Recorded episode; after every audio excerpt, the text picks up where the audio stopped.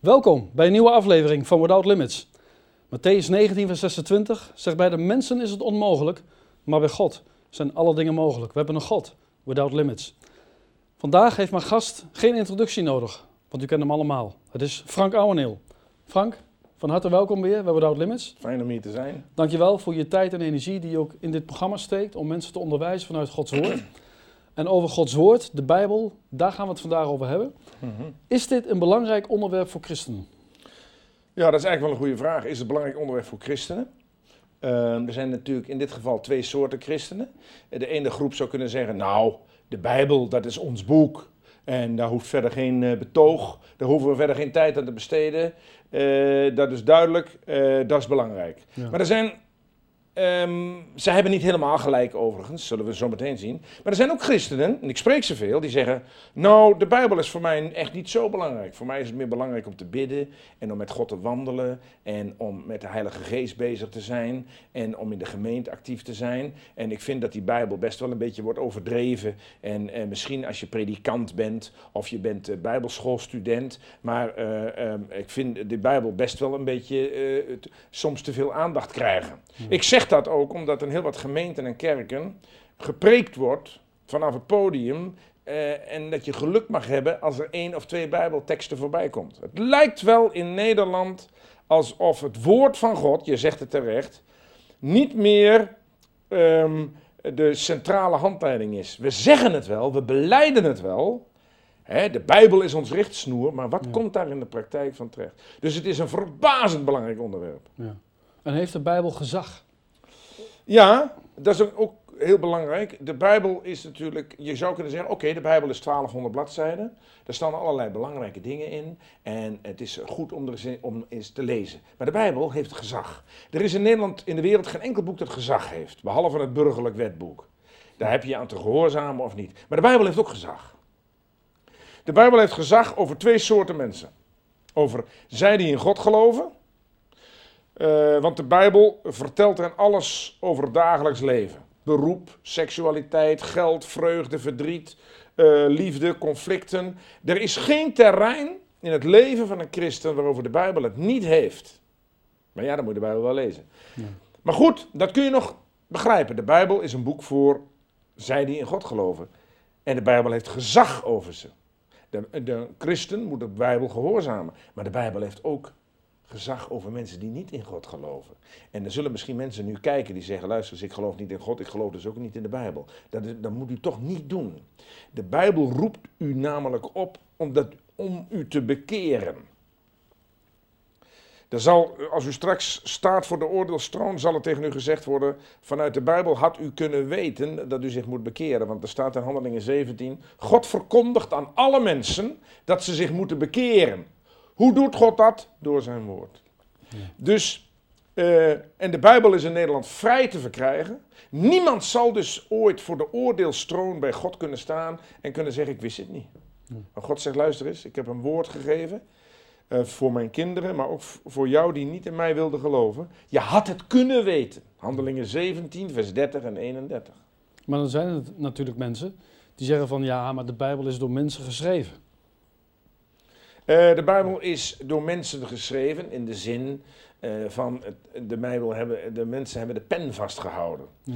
Als ik mijn handen in het gips heb en ik moet een brief sturen naar mijn tante Jo, en dan kan ik jou vragen, zeg Henk, ik heb mijn handen in het gips, uh, wil jij voor mij even een brief schrijven en zal ik jou dicteren wat je schrijven moet? Nou, en dan dicteer ik jou wat je schrijven moet en jij schrijft dat netjes op. Wie heeft dan de brief geschreven? Ja. Ik. Jij hebt alleen de pen gehanteerd. Dan God heeft zich bediend van 40 schrijvers, mannen zoals jij en ik, die, uh, die uh, hebben de pen mogen vasthouden. Maar het leuke van die schrijvers, laat ik het anders zeggen, dat is het wonder van de Bijbel. Hoe God die Bijbel heeft laten schrijven. Stel je voor uh, dat in de wereld zijn er 40 schrijvers. Ik zal het even opzoeken. Die 40 schrijvers, moet je je voorstellen, die kennen elkaar niet. Die uh, mogen niet met elkaar praten. Uh, ze moeten er zo'n 1600 jaar over doen. Uh, dat is 50 generaties. Ze moeten uit drie werelddelen komen. Daar moet tussen zitten een koning, een tentenmaker, een herder, een arts enzovoort.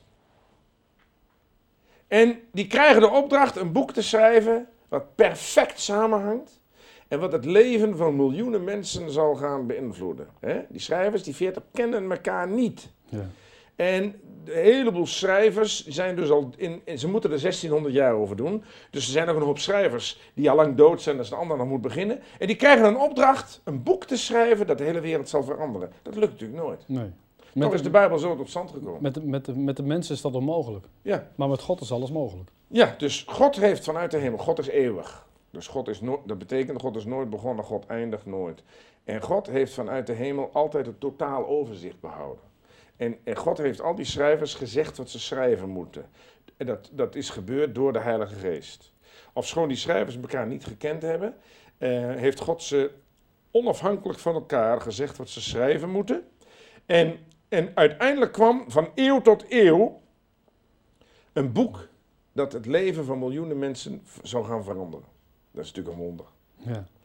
En er staat, ik zal het even opzoeken, 2 Petrus 1, door de Heilige Geest gedreven hebben mensen van Gods wegen gesproken.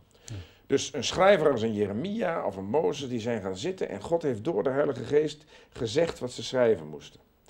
Nou, Ze zijn dus eigenlijk door de Heilige Geest geïnspireerd. ja, gedreven betekent ook letterlijk, het, het Griekse woord in het Nieuwe Testament betekent ook geïnspireerd, ingeblazen. Inspira, inspiratie betekent inblazing. Ehm, dus Mozes heeft in de Bijbel geschreven, maar Johannes vele jaren later ook. Ja. En die twee schrijvers, die grijpen op elkaar in. Ehm, de Bijbel is 66 boeken, door 40 schrijvers geschreven die elkaar niet gekend hebben. En de Bijbel is één groot, samenhangend, logisch geheel. Het Nieuwe Testament grijpt in op het Oude Testament, het Oude Testament grijpt in op het Nieuwe Testament. U weet, de Bijbel bestaat uit twee helften. En alles hangt perfect samen. Dat komt omdat de Bijbel feitelijk één auteur heeft. Maar God heeft niet zelf de pen vastgehouden. God heeft daarvoor mensen genomen. Maar doordat God gezegd heeft wat ze schrijven moesten, is de Bijbel een, een, een volkomen eenheid. Het, eigenlijk is, zijn die veertig schrijvers, dat zijn de leden van een orkest. Die leden van een orkest, eh, die eh, spelen allemaal een verschillend instrument.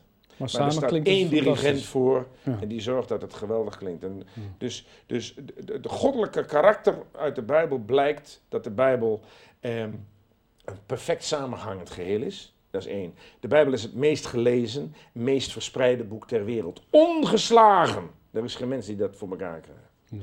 Eh, de Bijbel, op dit moment dat wij hier zijn, in de zomer van 2011, zijn er vele biljoenen Bijbels in de wereld. Een biljoen is duizend miljard. Er is geen enkel boek dat dat voor elkaar heeft gekregen. En de Bijbel is nooit ingehaald door een ander boek. Ook dat verklaart dat de, de, de auteur van de Bijbel moet van een zeer hoge orde zijn. Dat is God zelf. Ja. Daarom heet de Bijbel ook het woord van God.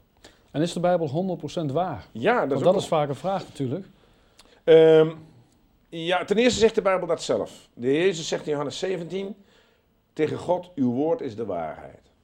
Ehm 1 Timotheus 4, vers 9, Gods woord is betrouwbaar en alle aanneming waar. Dus de Bijbel is waar, heel simpel, omdat God waar is. Eh, dus alles wat in de Bijbel staat, dat, ehm, dat is de waarheid van God. En dat blijkt ook, want eh, laten we maar zeggen, eh, meer dan de helft van wat de Bijbel duizenden jaren geleden heeft voorzegd, is inmiddels allemaal gebeurd. De profetieën. De profetieën. Eh, dus de Bijbel is zich elke dag nog aan het bewijzen. Er is dus in de Bijbel niets wat, wat niet waar is, want de Bij- God is waarheid. En er staat in nummer 23, God is geen man dat hij liegen zou. De- omdat God de auteur is van de Bijbel, is dus de Bijbel, zoals de Heer Jezus zegt in Johannes 17, de waarheid. Ja, ja. Maar ook eh, voor elke leek die voor het eerst met de Bijbel in aanraking komt, die kan gewoon proefondervindelijk vaststellen, de Bijbel moet waar zijn. Want de Bijbel heeft 2000 jaar geleden dingen voorspeld die allemaal aan het uitkomen zijn, eh, of al uitgekomen zijn, of nog gaan uitkomen. Ja, er staat natuurlijk heel veel in. Maar wat is nou de centrale boodschap van de Bijbel? Nou, eh blij dat je dat zegt. Ik heb natuurlijk over deze studie weer een DVD. een PowerPoint-presentatie met mondelinge uitleg. Die, die studie heet De Bijbel, Gods Woord. En ik ben blij dat je die graag stelt, want wat is nou feitelijk waar de Bijbel om gaat? Wat zou jij zelf zeggen? Wat zou jij zelf zeggen als de centrale boodschap van de Bijbel? Dat is Jezus. Ja. Ik ben blij dat je dat zegt, want een hoop mensen die zeggen de centrale boodschap van de Bijbel, dat is de mens. Of het volk Israël. Mochten ze allemaal willen. De, uh, God heeft aan deze wereld zijn zoon gegeven, Jezus Christus. En een heleboel christenen weten niet meer van hem te vertellen dat, dat hij aan het kruis is gestorven, dat hij voor ons zorgt. Maar er is in de Bijbel geen bladzij die niet over hem gaat. Dus de Bijbel telt 1200 bladzijden. En ik daag elke kijker uit om uw Bijbel te nemen en willekeurig open te slaan. En ergens op die bladzijde die, nu voor, u liggen, eh, die u voor u hebt liggen, gaat het over Jezus. Hij is de kern van de Bijbel. En daarom is de Bijbel ook zo'n mooi boek. De Heer Jezus zegt in Johannes 5, de schriften zijn het die van mij getuigen. En de Bijbel noemt zichzelf geen Bijbel. Hè? De Bijbel noemt zichzelf de schriften of de heilige schrift. Bijbel is een, in de Grieks woord, uh, dat betekent boeken. Bijbel komt van biblos, kijk maar naar ons woord bibliotheek. En dat betekent boeken. De Bijbel is een optelsom van 66 boeken, geschreven door 40 schrijvers in opdracht van God. Wij noemen dat Bijbel, maar de Bijbel noemt zichzelf de schriften of de heilige schrift. En de Jezus zegt in Lucas 24, hij begon bij Mozes, dat zijn de eerste vijf boeken van de Bijbel, en bij al de profeten, en legde hen uit wat in al de schriften, let op het woordje al, op hem betrekking had. Hmm. Dus het, de, de charme van de Bijbel is dat je daardoor de persoon van Jezus Christus beter leert kennen. En wij worden opgewekt in 2 Petrus 3 om te groeien in de kennis van Jezus Christus. Dat kun je alleen maar door de Bijbel. Ja. En dan is het zo hè, dat die schrijvers die hebben veel openbaringen ontvangen. Hè, dat, dat is bijvoorbeeld Johannes hè, op het eiland Patmos, die de openbaring van Jezus Christus ontving. Maar er zijn er ook wel mensen die eh, een Gods openbaring buiten de Bijbel om ontvangen. Hè? Tenminste, dat, dat zeggen ze. Kan dat? Ja, gebeurt dagelijks. Dat, uh, ik heb dat pas meegemaakt in een kerk of in een gemeente. Iemand op het podium staat. Uh, God heeft mij een openbaring gegeven buiten de Bijbel. Dan, dan moet, die mensen moeten onmiddellijk van het podium worden gestuurd. Let goed op. Alles wat God te vertellen heeft, staat in de Bijbel. Ja. Paulus zegt in Colosse 1: De bediening die mij door God is toevertrouwd, het woord Gods te voleindigen. Letterlijk staat daar in het Grieks te compleet te maken. Wat God te vertellen heeft, heeft hij in de Bijbel neergelegd. En God geeft zelfs een straf voor iemand die eraan toevoegt. Er staat in openbaring 22, ik betuig aan ieder die de woorden der profetie van dit boek hoort. Indien iemand hieraan toevoegt, God zal hem toevoegen de plagen die in dit boek beschreven zijn. Een hoop mensen zeggen, ik heb een openbaring buiten de Bijbel om. Dat klinkt interessant. Maar dan blijkt dat het al lang in de Bijbel staat. En dan zeg ik wel eens tegen zo iemand: U had uw Bijbel moeten lezen en had u gewoon die tekst kunnen voorlezen. U doet nou heel stoer een openbaring buiten de Bijbel om. Een heleboel christenen kennen hun Bijbel niet. En die horen iets of die voelen iets en dat is geweldig spektakel. Maar God zegt: Wat ik jullie te vertellen heb, ligt vast in het woord, 1200 bladzijden. En ik zou willen zeggen: ga dat nou eens lezen. de Bijbel zegt ook: hè, toets alles en behoud het goede. Precies. Maar dus als iemand zegt, ik heb iets buiten de Bijbel om, een hele bijzondere openbaring. Um, lees zo iemand altijd voor, openbaring 22, vers 18 en 19. Daar staat, ah, dat kan niet, want de Bijbel is compleet. God heeft zijn gedachten aan ons bekendgemaakt. En als iemand er iets aan toevoegt, daar rust een, daar rust een, een vermaning, een straf op. Hmm. En ik zou dat met klem willen zeggen, vandaar dat ik belang, blij, blij ben met deze vraag.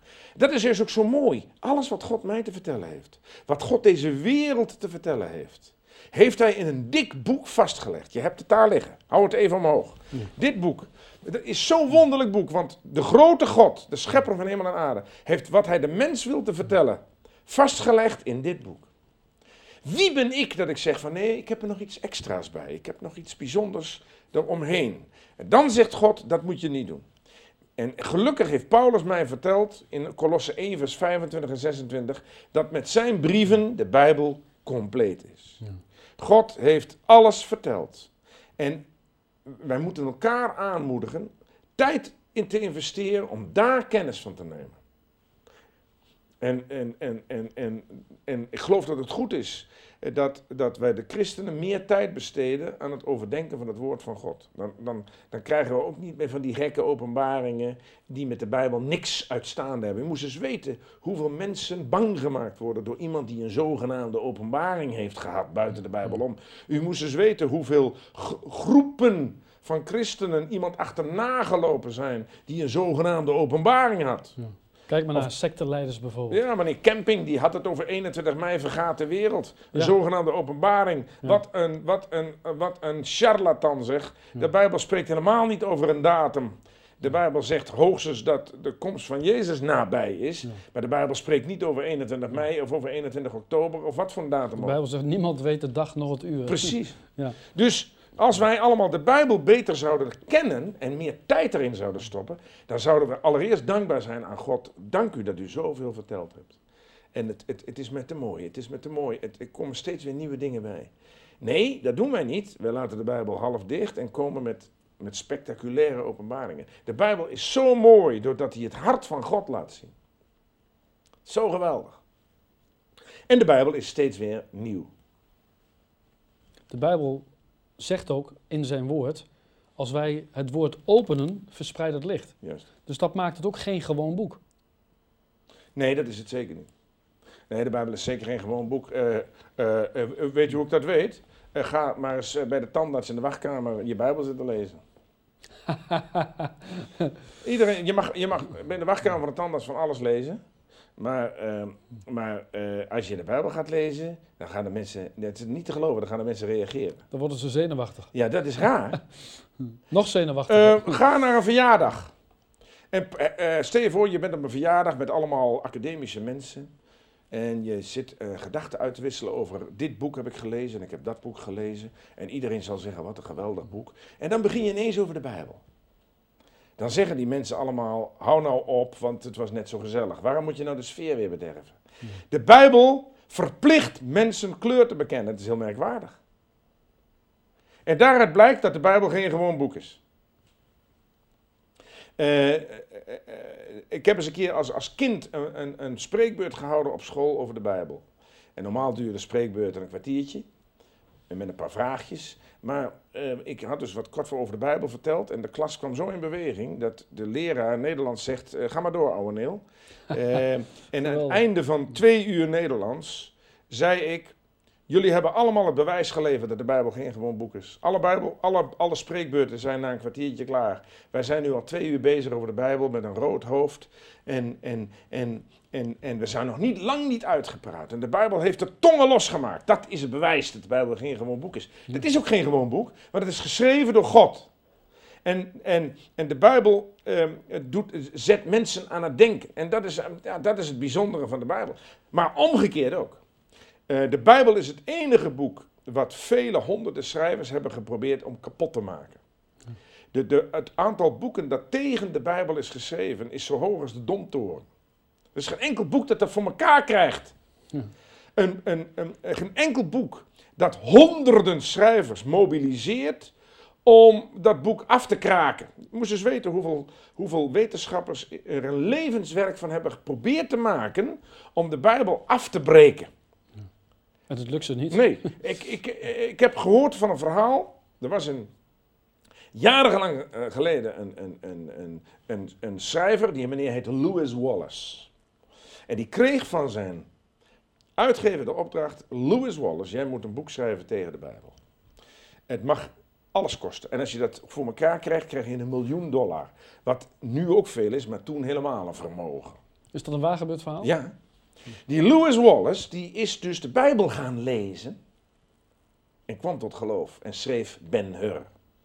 Oh. Ben-Hur is het resultaat eh, van, eh, van de studie van Lewis Wallace van de Bijbel. Hij, hij las dus de Bijbel, het woord van God. En boog zijn knieën voor Jezus Christus. En geloofde ter plekke in het woord van God. En schreef geen boek tegen de Bijbel, maar schreef Ben-Hur. Een van de meest vertaalde boeken. Waarschijnlijk is dat na het Guinness Book of Records, is het een van de meest vertaalde commerciële boeken. Ja. De Bijbel is vertaald in meer dan 2000 talen. Wonder. De- gevolgd door het Guinness Book of Records. vertaald in 183 talen. En het Guinness Book of Records schept er ook over op. Wij zijn na de Bijbel het meest vertaalde boek. Na de Bijbel. En het volgende boek is Ben Hur, eh, vertaald in 41 talen. We hebben laatst op bezoek gehad een imam. Een imam die kreeg ook de opdracht een boek te schrijven tegen de Bijbel. Die imam begon de Bijbel te lezen, kwam tot het geloof in God en predikt nu over de hele wereld uh, uit het woord van God. En vertelt zijn getuigenis. Dus er zijn heel veel mensen die de Bijbel zijn gaan lezen uh, om kritiek te kunnen leveren op de Bijbel. En die zijn door het woord aangeraakt en tot geloof gekomen. Dat is de kracht van de Bijbel. Ja. Maar heel simpel, el voor elke christen die zich bevindt in een niet-christelijk gezelschap, op het moment dat hij het woord Bijbel gebruikt, of op het moment dat hij zijn Bijbel tevoorschijn haalt, zal hij merken dat de Bijbel geen gewoon boek is. En waarom twijfelen ongelovige mensen altijd aan het woord? um, um, dat is een goeie. ja, want dat, dat, dat is het verlengde van de vorige vraag. De Bijbel is geen gewoon boek. Uh, voor de christen, omdat de christen ervan geniet. Mijn vader is 93 jaar geworden, heeft misschien 10.000 keer de Bijbel gelezen. En vlak voor zijn overlijden zei hij: Ik ben de Bijbel hier opnieuw gaan lezen. Maar zei hij: Wat weet ik nog weinig. En wat een mooi boek. Dat heeft u 10.000 keer gelezen. Prachtig. Hij zegt: Ik heb weer een bloknootje gepakt en alles wat me opvalt ben ik weer aan het opschrijven. Moet na 10.000 keer de Bijbel gelezen, 70 jaar lang gepreekt uit de Bijbel. Dat is de Bijbel. Dus de Bijbel is ook voor de christen geen gewoon boek. De ongelovigen, waarom schoppen die zo tegen de Bijbel? Waarom uh, krijg je rare reacties als je in de wachtkamer van de tandarts uit de Bijbel leest? Hoe komt dat? Dat komt doordat de Bijbel waarschijnlijk het enige boek is dat de mens kwalificeert als 100% slecht. De, de, Bijbel zegt: um, er is niemand die goed doet. Er is er zelfs niet één. En daar houden mensen niet van. Dus een mens schopt dan de Bijbel ook maar weg. Dus net als, stel je voor dat ze een mevrouw, die mevrouw die vindt zichzelf heel knap. En, uh, en op een nacht wil ze toch nog eens even zien hoe knap ze is. En ze pakt een spiegel en ze kijkt in die spiegel en ze ziet op haar neus een pukkel. En ze wordt zo boos dat ze die spiegel kapot trapt. Ja, mevrouw, dat is leuk, maar die pukkel zit nog steeds op uw neus. Het probleem zit hem niet in die spiegel, het zit hem in u. Een hoop niet-christenen schoppen tegen de Bijbel, omdat de Bijbel van een mens zonder God niks heel laat. Dat wil een mens niet weten en schopt de Bijbel weg. Maar, het, maar dat verandert niks. Beste mensen, de spiegel is de oorzaak niet. U bent de oorzaak. Dus daarom moet een ongelovige de Bijbel niet. Ook vooral academici, maar ook de gemiddelde niet-christen, eh, praat hem niet over de Bijbel, want dan wordt hij heel lelijk. Je kunt met een ongelovige buurman geweldige gesprekken hebben. Zodra je over de Bijbel begint, beginnen ze altijd lelijk te doen. Dat komt door de inhoud van de Bijbel. De inhoud van de Bijbel vertelt de mens: je bent verloren, je bent slecht, je hebt God nodig. Dat wil een mens niet. Maar is dat dan ook een soort angst wat ze hebben voor dat woord?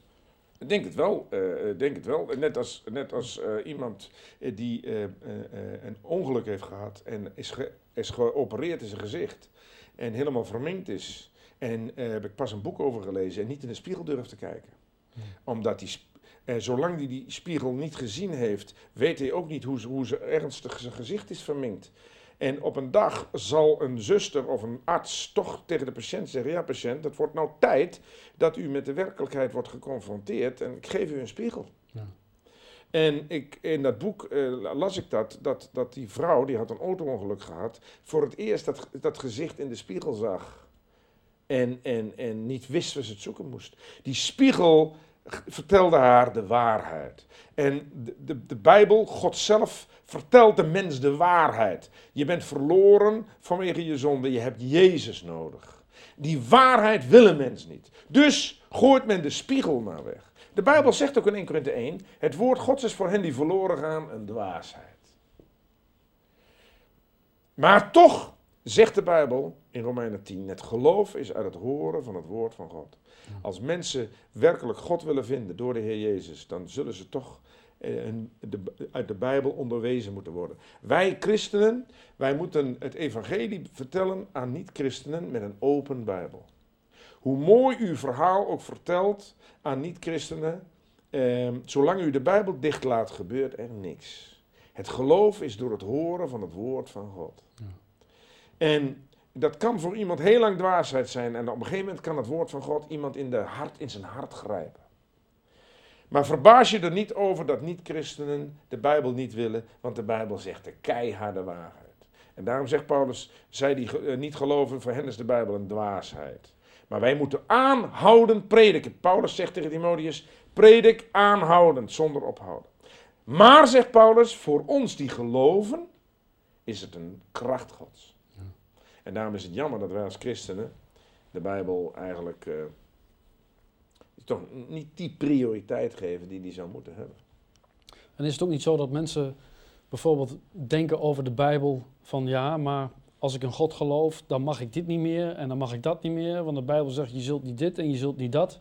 Zou dat er ook mee te maken kunnen hebben? Eh, eh, Je bedoelt dat mensen moeilijk tot geloof komen omdat ze een hoop dingen niet mogen? Dat ze denken dat ze dat niet mogen. Ja, ja, dat, dat denken ze. Eh, maar eh, als dat al zo zou zijn, zegt diezelfde Bijbel een hoop dingen die ze daarvoor terugkrijgen. Hm. Maar de Bijbel zegt, eh, de Bijbel is niet zo met het vingertje. De Bijbel is blijdschap. Ik kan je de adressen geven van honderden mensen die door het lezen van de Bijbel zijn veranderd van stumperts in mensen die een blijdschap kennen die ze niet, die ze niet kunnen bevatten. Ja. En, en, en, en, en, en de, de Bijbel is een bron van blijdschap. Dat weten jij, dat weet ik. Ook voor een hoop mensen. Er zijn mensen die zeggen tegen mij: Geloof jij in de Bijbel? Ik dacht niet dat je zo stom was. Dan zeg ik: Grote geleerden als Faraday, Calvin, Pasteur, Newton. Grote mannen geloofden in de Bijbel van kaft tot kaft. Om in de Bijbel te geloven hoef je geen zombie te wezen. Grote wetenschappers, ook vandaag de dag nog, geloven de Bijbel van kaft tot kaft. Ze begrijpen niet alles, maar ze geloven de Bijbel van kaft tot kaft.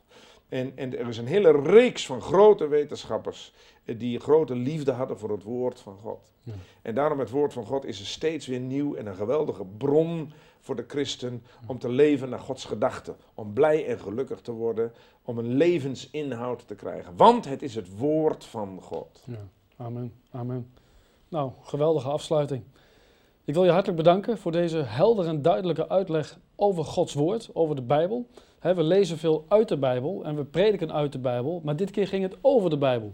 Dus dat is ook wel eens eh, Ja. weer eens iets anders. Ja, dat komt natuurlijk omdat wij ook een beetje verliefd zijn op de Bijbel natuurlijk. Ja, En wij willen ook dat, dat, dat er meer verliefdheid voor het woord van God ontstaat in Nederland. Daarom Amen. ben ik blij met deze uitzending. amen.